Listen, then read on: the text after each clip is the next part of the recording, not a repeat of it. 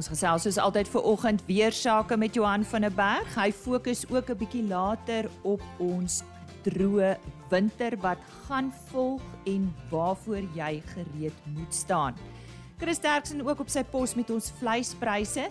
Dan praat ons met Dirk van Rensburg. Hy was die organiseerder van 'n Vrystaat Landbou Reunie. Voormalige presidente en lede van Vrystaat Landbou het hierdie week bymekaar gekom. Ons vind uit wie is die 5 finaliste in die Veeplaas Klimaatambassadeur projek en Riversdal het hulle skou aangebied. Ons kry terugvoer. Nou ja, dis 'n lekker vol en besige RSC landbou vir oggend. Dankie dat jy by ons aangesluit het. Ons gesels natuurlik vandag weer met Johan van der Berg oor die weer, maar nie net oor die weer nie. Ons praat ook so 'n bietjie later met hom oor uh, droë winter en die impak daarvan ook op landbou. Johan, ons het dan verskriklike reën gehad hier bo in Pretoria en ons weet in KwaZulu-Natal het die mense omtrent weggespoel. Kan jy vir ons terugvoer gee? Goeiemôre. Môre Lise. Ja, nee. Die die reën wat voorspel word hierdie jaar is heelwat swakker as wat werklik gebeur. En as ons na hierdie afgelope eintlik van die begin van April af kyk, het ons ongelooflike hoeveelhede reën oor sekere dele gehad. Ehm um, die afgelope week alleen, uh, soos jy genoem het, het dit baie swaar gereën uh oor redelike groot oppervlaktes. Ons weet daar in die Pretoria omgewing, ehm um, hier rondom Koppies het maandag alleen 70 mm voorgekom maar natuurlik die groot reën het in KwaZulu-Natal voorgekom. Ek sien Margate het op die 11de uh, so iets soos 300 oor die 300 mm in 24 uur gehad. Ehm um, ook rond rondom Durban, die Virginia lughawe, uh, dink ek het 310 mm. Ja. En natuurlik verder noord ook. Uh ongelooflike hoeveelhede reën. Ehm um, ons hier in Bloemfontein uh, het ook die afgelope dag of twee uh 60 mm gehad nadat ons die vorige week omtrent 150 mm gehad het. So ongelooflike hoeveelhede reën wat wat voorkom. Die boere smag natuurlik na nou nou 'n bietjie droogte, né? Dit dit is een van die groot uh, goed wat nou begin ontstaan is dat dit nou so nat word dat boere nie in die lande gaan kom nie en ons temperature is redelik laag. Uh daar's nie baie sonskyn nie. So dit kan regtig waar 'n probleem begin word en is alreeds 'n probleem want ons ons sit al heel jaar amper in sekere gedeeltes uh, hier in die Noord-Vrystaat gedeeltes van Noordwes provinsie uh waar die grond net nie uitdroog nie waar dit baie nat bly. So ja, dit dit gaan regtig waar 'n probleem uh begin word en alreeds word. En wat nou? Wat gebeur vorentoe? Ja, ehm um, dit lyk nie asof die reën gaan ophou nog nie. Dit is die groot uh, gevaar wat nou begin ontstaan. Hier van die naweek af lyk dit asof daar weer 'n redelike hoeveelheid reën is. Mense wil nie sê so swaar soos die afgelope week nie, maar dit lyk asof vir 30, 40 mm steeds moontlik is oor die Noordwes provinsie Vrystaat, uh, dele van die oos uh, uh, van die Noord-Kaap uh, KwaZulu-Natal weer Mpumalanga, Gauteng.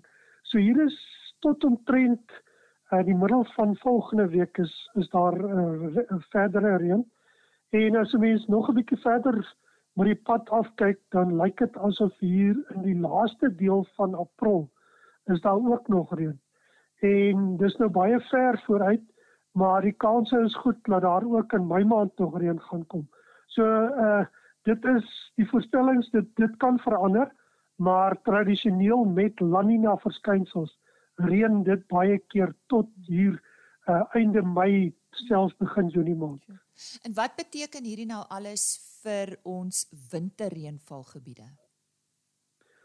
Winterreënvalgebied aanvanklik het dit gelyk asof die reën uh, baie laat gaan begin kom, maar ons sien daar is al reën wat die afgelope paar dae voorgekom het. Uh hier in die volgende week is daar so 'n bietjie reën en dan veral van die laaste deel van April, maar die tweede week van Mei lyk dit asof die regte of die werklike winterreënval uh gaan begin kom en laat daar redelike goeie neerslag gaan kom. So dit lyk asof die winterreënvalgebied uh ook 'n baie goeie begin van hulle winterseisoen en die graanseisoen gaan hê. En so sê Johan van der Berg, ons sluit ook vandag se program af met goeie raad wat hy het vir die brandseisoen wat om die draai is. Baie droë winters en koue winters wat ons gaan ervaar, so ons moet gereed wees daarvoor. Artipels SA het 'n maandelikse artipelmarkverslag en daarvoor sluit ons nou aan by Janu Besuitnout. Vir die eerste 13 weke van 2022 is daar ongeveer 27.4 miljoen 10 kg sakkies verkoop. Dit is 255 000 sakkies minder as die 5 jaar gemiddeld vir die eerste 13 weke van die jaar. Die gemiddelde prys vir die eerste 13 weke van die jaar is R2.44 meer as die vorige jaar en was R34.52 per 10 kg sakkie. Indien ons kyk na die gemiddelde weeklikse prys, het die 13de week van 2022 se gemiddelde weeklike prys geëindig op R41.17 per 10 kg sakkie oor alle klasse en groottes. Tot dusver toon die prys 'n opwaartse tendens tydens die eerste 13 weke van die jaar. In Maart 2022 was die gemiddelde daaglikse voorraadvlakke op die varsprodukte mark ongeveer 772010 kg sakkies per dag wat hoër is as Februarie se gemiddelde voorraadvlakke. Maar was ongeveer 110 000 sakkies minder as die 2021 gemiddeld vir dieselfde maand.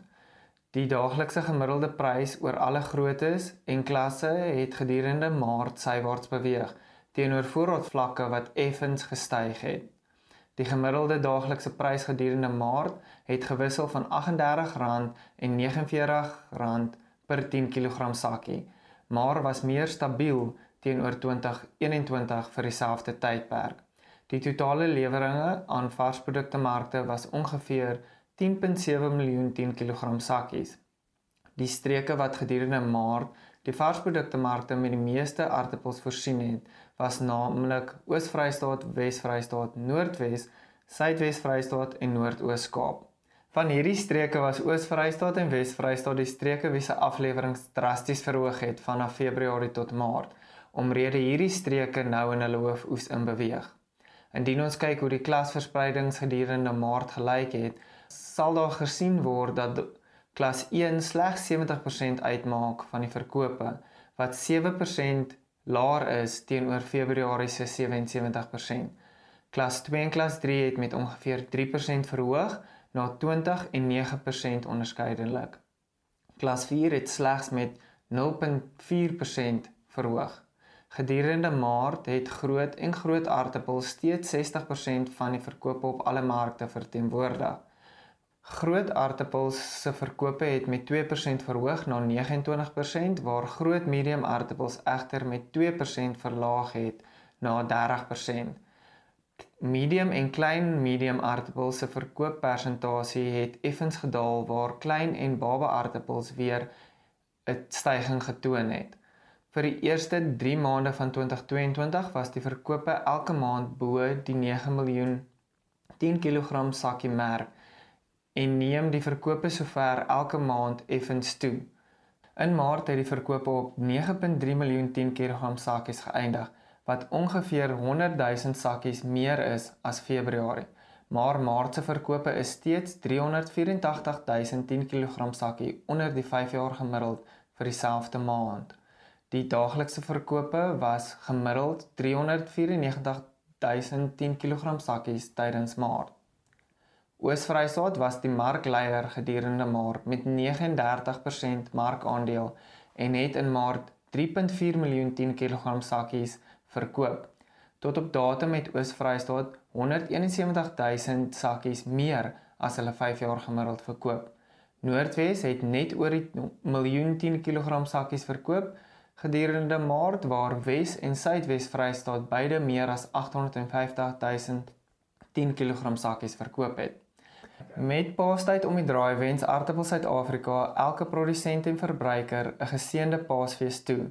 Geniet elke oomblik saam met familie En of dit nou 'n aartappelslaai of 'n gebakte aartappel is, maak aartappels deel van jou familie se Paasfees.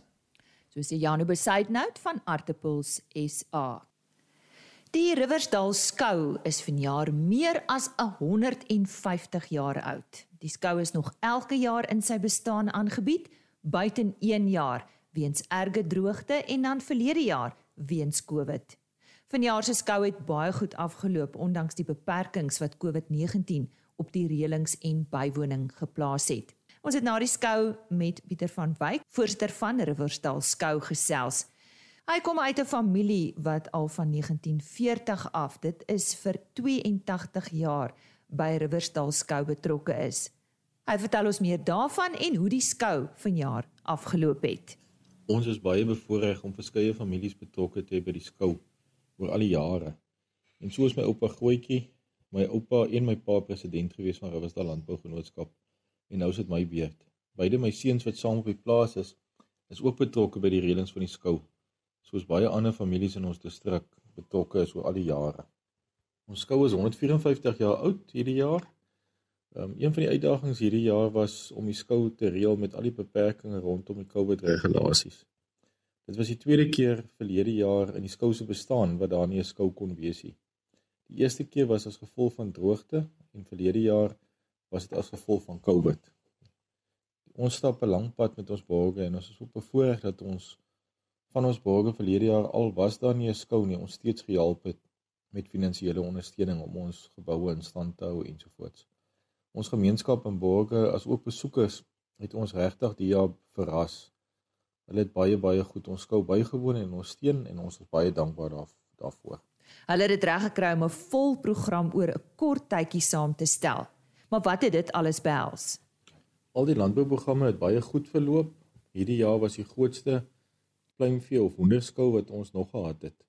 Dit was ook die eerste keer dat ons die Weskaap klapkampioenskappe vir die boerbokke aangebied het. Uh daar was 10 teelers en 220 bokke die merino skape en die vleisbeeste en die perde afdeling was ook almal baie goed verteenwoordig. Die heerskou het baie goed gedoen. Ons het by die heerskou al die verskillende afdelings uh hanteer. Hulle kry dit ook reg om die hele gemeenskap by die skou te betrek. Dit is iets wat min ander skoue reg kry. Ons het hom ook uitgevra oor wat hulle doen om terug te ploeg in die gemeenskap en hoe hulle dit regkry om al die kerke deel te maak van die skou wat afgesluit word met een groot erediens die Sondag na afloop van die skou. Ons het weer eens 'n gratis ontbyt vir meer as 100 van ons senior burgers wat in die ouer huise woon Vrydagoggend by ons skou aangebied. Donderdag aand het die massa atletiek plaasgevind met sowat 500 deelnemers. Al die skole van die gemeenskap word dan genooi om deel te, te neem as ook Walking on Fire en van die boereverenigings. Dis elke jaar groot pret. Verlede jaar was ook die eerste keer dat ons die plaaswerke van die jaar kompetisie gesamentlik met departement landbou in ons streek aangebied het. Dit was baie goed bygewoon. Ons bied ook deur die jaar kursusse by ons skougronde aan vir ons plaaswerkers en op daai manier hou ons ook ons boere en werkers betrokke by die skou. Woensdag aand is die amptelike opening van die skou met die goedmekaar funksie. 'n leraar open die skou vir ons daar met skriflesing en gebed. Dan vanaf donderdagoggend word elke oggend voor die hoofpaviljoen geopen met skriflesing en gebed. Hierdie jaar is dit al die derde jaar wat ons die skou afsluit met 'n Sondag diens by die skougronde waar se persoon dan van buite kry om die diens te lei. Kerke van die gemeenskap is die Sondag gesluit en dan is die kerkdiens by die hoofarena. Dit word baie baie goed ondersteun deur die kerke en die hele gemeenskap. En so sê die voorsitter van Riversdal Skou, Pieter van Wyk. Voormalige lede van Vrystaat Landbou het hierdie week reunie gehou. Nou ek gesels met die organiseerder Dirk van Rensburg. Hy was self lid van Vrystaat Landbou vir talle jare. Ja, vertel ons sommer Dirk, goeiemôre. Hoe lank was jy uh, lid of deel van Vrystaat Landbou? Môre Lisa, nee, dit is uh, vir my 'n groot voorreg om dit sê ook dat ek kan meedeel. Dit was 'n gedagte wat al baie baie lank by my opgekom het dat ons bietjie die slag met by mekaar kom. Ons as ou Vrystaat landboulede om weer net ou gedagtes en herinneringe te kan bymekaar bring en oproep en so aan en ook miskien te gesels oor die toekoms vorentoe. Hoe lyk die toekoms van georganiseerde landbou en en Ja. Nou ja, toe het dit uh, na samesprekings met François, ons president en Johan van Graan het ons toe besluit op 'n datum verlede jaar al. Maar as gevolg van COVID moes dit maar eers amper kan ek sê uitgestel word tot daar 'n geskikte tyd is en dit het nou gekom en glo my dit was 'n wonderlike geleentheid geweest. En en sê gou vir my, wie was nou almal teenwoordig? Ek weet daar was baie mense, maar noem so 'n paar name vir ons en dan miskien, wie was die oudste lid byvoorbeeld wat daar was? Ja, die oudste lid was Ombori Erasmus. Hy is 82 en dan is daar so uh, twee ander wat ook hierso by aan die 80 vat en dan sit ek en nou ja, dan dan dan volg die res nou maar, jy weet. Ja. Maar uh, dit Ja, en Lou Steytler en en Japie Grobler, Ja, hulle was ja, almal daar, okay. né? uh, die hele idee was gewees om soveel as moontlik van oud uh, presidente hier te kry. Mm. Ongelukkig al wat hier so kon gewees het was uh, Lou Steytler en Kibit Ferreira as Wow. president wat Ja. President was. Nou ek weet behalwe vir die feit dat julle mekaar gesien het en lekker gekuier het, ehm um, het Ja. julle ook soos jy gesê het heelwat dinge bespreek oor die twee Ja. dae. Wat, wat het vir jou uitgestaan? Noem vir ons so 'n paar goed wat jy graag met uh, ons luisteraars wil deel. Wel die feite van die saak is sonder georganiseerde landbou kan die landbou per se nie voortbestaan nie. Dit is ons mondstuk georganiseerde landbou, Vrystaat landbou en Agri-SA. As die mense wat vir ons op die hoogste vlak kan beding. En die laaste tyd is daar soveel dinge. Ons weet van grondonthou. Ons weet van ons infrastruktuur wat heeltemal amper kan ek sê in duie stort. En so kan mens opbring. En uh, regtig waar die besprekings wat hier uitgekom het in dit wat Vrystaat landbou vir ons in die Vrystaat doen en beteken op hierdie terreine en op ander terreine veiligheid. As jy net vat veiligheid. Nou ja, dan sê mens net ondersteun raad betrokke, wees lid van Vrystaat landbou want dis waar jou toekoms lê as landbouer. En uh, Dirk het die behoefte nou ontstaan dat daar weer so 'n geleentheid moet wees. Hulle het seker vir jou gevra wanneer is die volgende een? Ja, dit is die eerste keer wat dit gebeur, wat dit plaasgevind het. En ek verstaan ek weet nie of daar ander landbouunies in Suid-Afrika is wat ook al sulke geleenthede geneem het nie, maar die geskiedenis van georganiseerde landbou strek terug tot by 1904 wat die eerste werklike byeenkoms van landbouunies van al die provinsies van die vier provinsies plaasgevind het. En nou ja, dan besef mense hoe hoe oud is georganiseerde landbou en hoe noodsaaklik is dit nog steeds vandag. Jy boer self Dirk, né? Waar presies? Ja. Ja, ek boer in Arlington se wêreld. Dit is wonderlik om deel van 'n landbou van die landbou te kan wees. En hoe lyk dit op daar op Arlington op die oomblik? Nee, dit is dit is 'n baie goeie seisoen gewees. Ons het ook baie reën gehad. Maar weet jy, vanmôre het dit mense geopen en toe het mense besef uh hoeveel dinge daar is wat die landbou getref het die laaste tyd. Dis droogte in sekere dele, dis oorvloedige reën, reën in sekere dele, dis sprinkane, dis back and closure, Mm. dis veiligheid, jy weet, dit is dis enorm, maar daarom moet ons sterk staan want voedsel produksie is die belangrikste belangrikste kommoditeit in enige Suid-Afrikaner se se lewe vandag. Ja, so sê Dirk van Rensburg. Hy was die organiseerder van 'n reunie vir Vrystaat Landbou en hulle voormalige lede wat hierdie week plaasgevind het. En soos hy gesê het, kyk uit vir die volgende een. Chris Derksen op sy pos met ons nuutste vleispryse. Hierdie pryse is behaal by veilinge in die Noord-Vrystaat hierdie week. Môre Chris? Goeiemôre Lisa en al ons medeboere. Jy moet onthou, soos ons al voorheen gesê het, ons pryse is lewendig gewig en is per kilogram sonder BTW. Back and closure uitbrake is totaal oorheersend in ons mark. Speenkalvers onder 200 kg het gegaan vir R40.08 per kilogram lewendige gewig en van 200 tot 250 kg R37.22 en oor 250 kg R35 perfek. En terwyl ons praat van speenkalvers, dis duidelik dat die mark vir speenkalvers sal skuif na 'n direkte mark tussen die boere en die voerkrale en die feit dat speenkalvers na 'n veiling moet gaan en dan verkoop moet word en baie keer 'n dubbele transport gaan hê sal sekerlik verdwyn. Die enigste probleem is nog dat die pakkette moet groot genoeg wees vir die voerkrale om daar 'n lorry te stuur en ons kan nie 7 en 3 en 5 speenkalvers so verkoop nie. A-klasse was R34.50 per kilogram lewendig. B-klasse R26 presies. C-klasse het vetkoeie gegaan vir R25 en maarkoeie het gewissel van R19 na R21.5. Slagbulle was R26.13. Stoorlammers R43.18 en ons wens regtig dat die lammers wat na die gestroopte lande moet gaan, moet se prys moet begin optel soos in die verlede. Dan slaglammers was R41.24. Stoorskape was R35.09. Vetskape R33.16 Boklammers R60.06 en ooe R41.07 per kilogram. Indien ons van enige verdere hulp kan wees, kan u ons enige tyd skakel na 08280 75961 of u kan gaan na www.vleisprys.co.za vir verdere inligting. Baie dankie. En so sê Chris Derksen en volgende week maak hy weer so.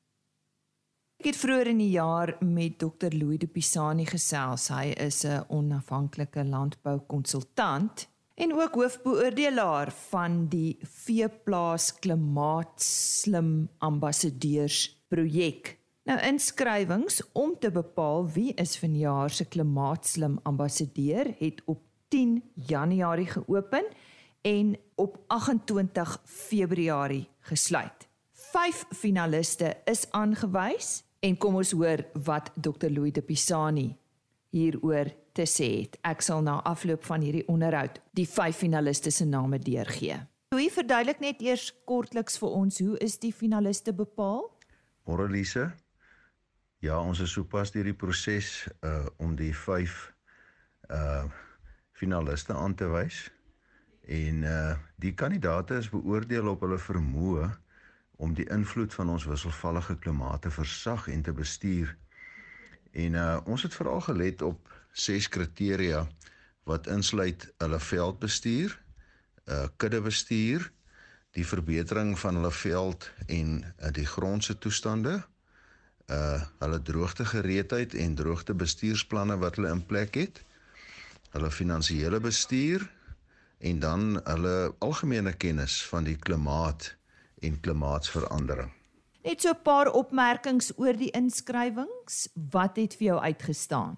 Ek was veral beïndruk met die slim en die innoverende strategieë en praktyke wat die kandidaate in hulle boerderye toepas om hierdie wisselvallige klimaat van ons beter te kan bestuur. En ek is oortuig daarvan dat dit 'n opdraande stryd gaan wees om 'n uiteindelike wenner uit die vyf finaliste op die kortlys aan te wys. Elke kandidaat moes 'n elektroniese vraelys wat op uh plaasmedia se webwerf was uh invul en uh dan is daar outomaties 'n punte toegeken op die antwoorde wat hulle verskaf het. Byvoorbeeld uh elke kandidaat is gevra of hulle van 'n droogte vroeë waarskuwingsstelsel gebruik maak. Nou gebaseer op die antwoord is punte tussen 0 en 10 punte toegeken en die vyf kandidate met die hoogste totale punte uiteindelik is dan op die kortlys geplaas. En wat gebeur volgende Louis? Die volgende stap is om elke kandidaat op die plaas te besoek vir 'n onderhoud en 'n terplaatse ondersoek van hulle praktyke en strategieë wat hulle toepas. En uh hierdie proses sal hopelik binne die volgende 6 weke afgehandel word. Uh in in hierdie tyd uh uh gaan ons 'n paneel wees wat die uh kandidate gaan besoek. Plaasmedia gaan ook 'n filmspan saamstuur na van die finaliste toe om so lank video materiaal op te neem. En so sê Dr Louis Dupisani, hy is 'n onafhanklike landboukonsultant maar ook hoofbeoordelaar van hierdie kompetisie. Soos hy gesê het, binne die volgende paar weke sal elke finalis se plaas besoek word en in Augustus vanjaar sal die wenner aangewys word en dan ook 'n spesiale boeredag op die wenner se plaas sal in Oktober of November plaasvind. Nou goed, kom ek vertel vir jou wie is die 5 finaliste van die Veeplaas Klimaatslim Ambassadeurs kompetisie. In geen spesifieke volgorde, Stefan Erasmus van Middelburg in die Oos-Kaap, Menet Badenhorst van Boshoff in die Vrystaat, Matthew Morgan van Tarkastad in die Oos-Kaap, Willem Storm van Olifantshoek in die Noord-Kaap en James Faber van Barkley Wes in die Noord-Kaap. Soos beloof gesels ons nou ook weer met Johan van der Berg oor ons droë, koue winter wat voorlê. Ja, mens sal nie dink dat die reën kan ophou soos wat dit die afgelope tyd gereën het nie. Hmm. Maar tradisioneel met 'n La Nina verskynsel is daar baie minder reën in die somerreënvalgebied hier van Junie maand uh tot omtrent November. Nou die grond gaan redelik vogtig en nat bly wat 'n bietjie gaan help. Maar as die koue begin kom en die gras en die ander plante ryp dood, uh en dit reën nie verder nie, uh dan raak die brandgevaar hoog. En daarmee saam die koue fronte verwag ons dat dit weer redelik laat vanjaar gaan deurkom. Hier van Julie, Augustus, September en dalk selfs later. En met sterk koue fronte uh, kry ons baie sterk winde, baie droë winde soos wat ons nou dit weet dit gebeur en dit kan vir ons 'n baie groot risiko skep vir veldbrande later. Op hierdie stadium is alles groen en nat, maar dit gaan verander binne die volgende 2-3 maande. Johan, so miskien het jy dalk 'n bietjie raad om hierby aan te sluit. Wat kan ons boere doen? Ja, uh Want ek dink terwyl die grond nou nog nat is, uh kan dit help om brandpaaie te maak. Alhoewel brandpaaie nie baie effektief is om regtig groot brande te keer nie, maar dis ten minste toegangspaaie wat veilig is uh vir mense om op te beweeg as daar brande is. En as daar voorbrande gemaak word, uh wat nie noodwendig 'n baie goeie uh en 'n baie hoë risiko aksie is, uh is dit dalk raadsaam om dit wanneer die grasse nog nie te droog is nie, uh dit te maak en sogenaamde koue brande te veroorsaak wat makliker beheer kan word voordat dit te, dalk nog dat daar gemengde groen en droë gras is wat nie sulke geweldige brande veroorsaak nie. En daar's ook dit ek weet dit is dalk koste uh gewys nie altyd die moeite werd nie. Uh om grasstroke te sny en te baal um, wat kan help as daar groot brande kom uh dat daar gedeeltes is wat minder brandbaar is. En as dit gedoen word uh om hierdie brand kom ons sê brandstroke, brandbane van noord na suid te doen want ons weet die heersende winder winde wanneer die frontale stelsels deurkom is hoofsaaklik uit 'n westelike windkomponent. En dan natuurlik wanneer daar tyd is die waterkarre en brandbestrydingstoerusting in 'n werkende orde te kry en te organiseer, betyds te organiseer. Goeie raad vanaf Johan van der Berg. En dit is dan vandag en hierdie week se RSG landbou van my kant af. Ons e-posadres rsglandbou@plaasmedia.co.za. Ek sluit graag af met seënwense vir elke RSG landbou luisteraar en hulle geliefdes vir hierdie Paastyd wat voorlê. Mag jy vrede en dankbaarheid ervaar. Maandagooggend is ek terug met nog 'n RSC landbou. Totsiens. RSC landbou is 'n plaas media produksie met regisseur en aanbieder Lize Roberts en tegniese ondersteuning deur Jolande Rooi.